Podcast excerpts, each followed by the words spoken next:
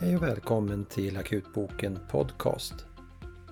I denna veckas avsnitt ska vi prata om CPAP-behandling för patienter som drabbats av kolmonoxidförgiftning.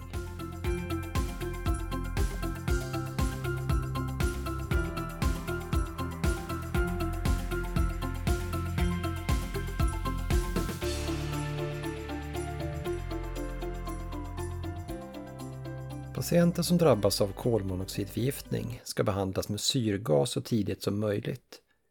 Skälet till detta är att genom syrgasbehandling så kan halveringstiden av kolmonoxid i blod minskas.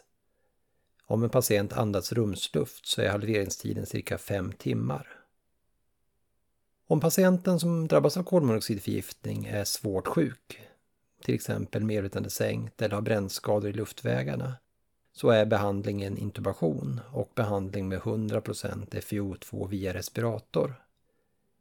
Denna behandling minskar halveringstiden från de fem timmarna som den är vid rumsluft till cirka en timme. För patient som inte behöver intubation finns flera olika rekommendationer för syrgasbehandling.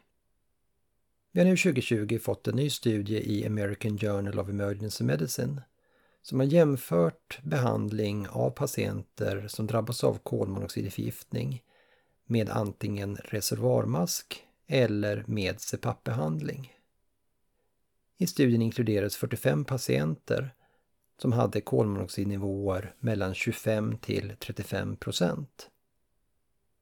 Patienterna fick antingen behandling med reservoarmask där man gav 15 liter syrgas per minut eller en behandling med CPAP och då inställningar 100% FiO2 och 5 cm vatten mottryck. Kolmonoxidnivåerna mättes noninvasivt vid 0, 30, 60 och 90 minuter. Studien visade att patienterna som fick behandling med CPAP hade betydligt lägre nivåer av kolmonoxid både vid 30, 60 och 90 minuter. Man räknade också ut halveringstiden och de patienter som hade behandling med reservoarmask hade en halveringstid för kolmonoxid på cirka 105 minuter jämfört med endast 45 minuter för patienterna som fick behandling med CPAP. Skälet till att CPAP-behandlingen var bättre är sannolikt att behandlingen med en tättslutande mask och högt flöde ger patienterna 100% FiO2.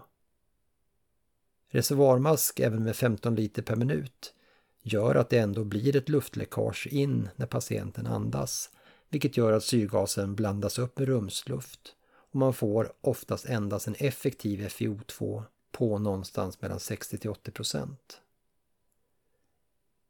Den aktuella studien tillsammans med tidigare studier gör att jag bedömer att CPAP med 100% FiO2 bör vara förstahandsval för behandling av patienter med kolmonoxidförgiftning som inte är så pass sjuka att de behöver intubation och invasiv ventilatorbehandling.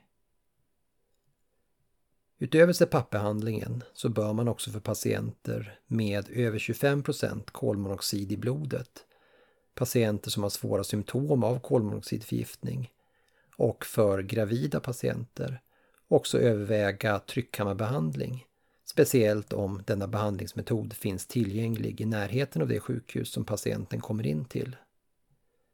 Tryckkammarbehandling verkar inte minska mortaliteten av kolmonoxidförgiftning. Men det finns enstaka studier som talar för att tryckkammarbehandlingen däremot kan minska risken för neurologiska skador efter förgiftningen. Om du har en svårt sjuk patient med kolmonoxidförgiftning rekommenderar jag att du diskuterar patienten med Giftinformationscentralen eller med tryckkammarjour.